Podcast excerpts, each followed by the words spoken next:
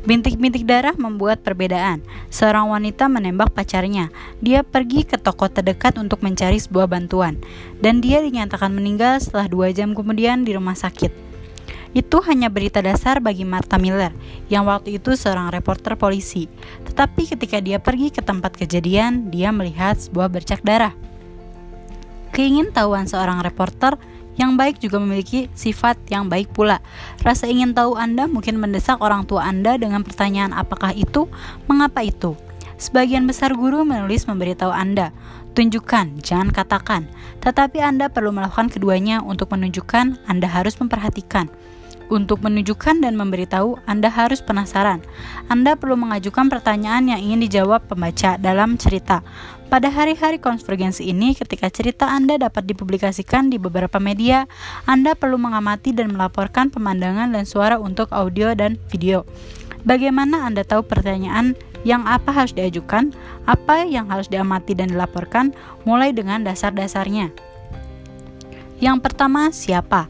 Dapatkan nama lengkap orang yang terlibat, lengkapi dengan inisial tengah, dan selalu periksa ejaannya. Seorang bernama John, mungkin mengejanya John atau cara lain, jika sumber Anda dikenal dengan nama julukan, tulis nama lengkap di referensi pertama dan tuliskan julukan itu dalam kutipan setelah nama pertama. Untuk televisi, nama sumber dapat ditumpangkan di atas gambar di layar sehingga ejaan yang akurat juga sangat penting. Tanyakan sumber Anda bagaimana ia lebih suka ditangani untuk media cetak dan web, gunakan nama belakang pada referensi kedua kecuali untuk anak-anak. Yang kedua, apa? Dapatkan akun tentang apa yang sedang terjadi. Dalam beberapa cerita, terutama cerita polisi seperti di atas, Anda mungkin ingin menceritakan urutan kejadian. Anda tidak harus menulis cerita secara kronologis, tetapi Anda harus memahami urutannya saja. Yang ketiga, kapan? Catat hari dan waktu acaranya. Jika Anda menulis cerita untuk web, pertimbangkan untuk menulis garis waktu sebagai bilah sisi, yang mungkin ditautkan dengan cerita atau ditempatkan di kotak pada halaman yang sama. Yang keempat, di mana? Dapatkan lokasi, jelaskan adegan itu, anda mungkin harus memberikan detail kepada seniman grafis untuk peta lokasi. Jadi, kumpulkan detail spesifik tentang lokasi. Yang kelima, mengapa? Memahami apa yang menyebabkan acara tersebut, apa konfliknya, dan apa revolusinya jika ada. Yang keenam, bagaimana? Mencari lebih banyak informasi tentang apa yang sedang terjadi, bagaimana itu terjadi. Yang ketujuh, jadi apa? Apa dampak acara ini terhadap para peserta? apa dampaknya pada pembaca, dan apa yang membuat cerita ini bernilai berita atau signifikan. Jika Anda menulis pertanyaan, jajakan pendapat untuk televisi atau web. Apa yang Anda tanyakan kepada pembaca atau pemirsa sekarang untuk pertanyaan yang lebih sulit. Apa yang perlu diketahui pembaca untuk memahami dan peduli dengan cerita Anda? Berikut adalah beberapa teknik untuk mengembangkan rasa ingin tahu Anda. Yang pertama, bermain peran. Tempatkan diri Anda dalam peran pembaca. Apa yang membuat cerita itu penting dan menarik? Jika Anda terpengaruhi oleh cerita ini, apa yang ingin Anda perlu Anda ketahui? Bayangkan Anda adalah seorang reporter untuk koran kampus Anda. Yang kedua, pengamatan penulisan yang baik harus menjadi reporter yang baik pula. Dan reporter yang baik mengamati dan mengumpulkan detail dengan semua indera mereka, penglihatan, suara, bau, dan lainnya. Anda dapat menggunakan kekuatan observasi Anda dalam cerita apa pun. Yang ketiga, teknik tampil beraksi. Jika Anda ingin pembaca memvisualisasikan sumber atau adegan, Anda salah satu teknik terbaik adalah menunjukkan orang yang sedang beraksi. Berikut adalah contoh teknik show in action.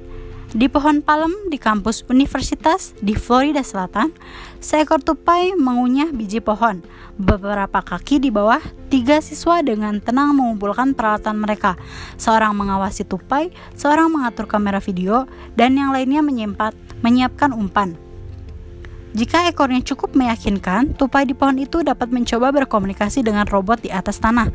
Itu bisa memberikan petunjuk baru tentang apa artinya ketika seekor tupai memukul ekornya ini.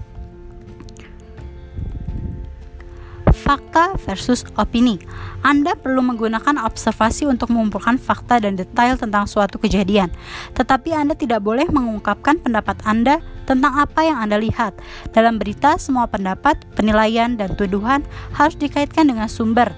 Meskipun berita yang disiarkan bisa lebih bersifat pribadi, wartawan biasanya tidak menyebutkan mereka dalam berita, kecuali jika mereka menanggapi pertanyaan dari pembawa berita. Pengamatan untuk menemukan pertanyaan gunakan pengamatan sebagai alat pelaporan, bukan hanya sebagai alat penulisan. Pengamatan untuk presentasi visual ketika Anda berada di lokasi kecelakaan atau suatu peristiwa, banyak pertanyaan pelaporan dasar kemungkinan muncul di benak Anda. Yang tak kalah penting adalah ide untuk foto atau ilustrasi grafis yang bagus. Cara untuk menemukan ide cerita, konsep dasar untuk berita seperti minat lokal, minat manusia, ketepatan waktu, peristiwa yang tidak biasa, konflik selebritas, dampak peristiwa berita dapat menghasilkan gagasan cerita. Acara berita nasional atau lokal yang besar mungkin layak untuk dijadikan cerita reaksi lokal. Sumber ide potensial lainnya adalah kelompok minat khusus. Kelompok orang apa yang tidak mendapatkan banyak liputan di koran Anda?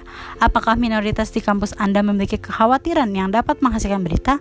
Masalah apa yang dimiliki penduduk lanjut usia di kota Anda? Dan yang lainnya. Internet telah memberikan pengaruh mendalam pada cara wartawan dan editor di semua media dalam mengumpulkan gagasan cerita. Hampir semua situs media online memposting pertanyaan atau jarak pendapatan umpan balik yang dilampirkan pada cerita atau masalah utama. Tanggapan ini dapat menghasilkan ide untuk cerita lanjutan. Weblog juga dikenal sebagai blog. Ini adalah esai pribadi atau jurnal yang telah berkembang biak di web dalam beberapa tahun terakhir ini. Beberapa blog ditulis oleh wartawan yang memberikan di belakang layar atau pandangan pribadi tentang suatu peristiwa. Sementara blog lain diposting oleh orang-orang hanya ingin mengekspresikan pemikiran mereka. Blog dapat menghasilkan ide cerita karena mereka mengungkapkan masalah atau pemikiran tentang orang yang sedang peduli. Berhati-hatilah untuk mengutip atau menggunakan informasi dari blog dalam berita yang Anda liput. Meskipun beberapa blog mungkin berisi informasi faktual, mereka adalah jurnal yang belum diedit atau esai yang tidak harus mematuhi prinsip-prinsip kredibilitas jurnalistik karena mereka tidak diperiksa keakuratannya.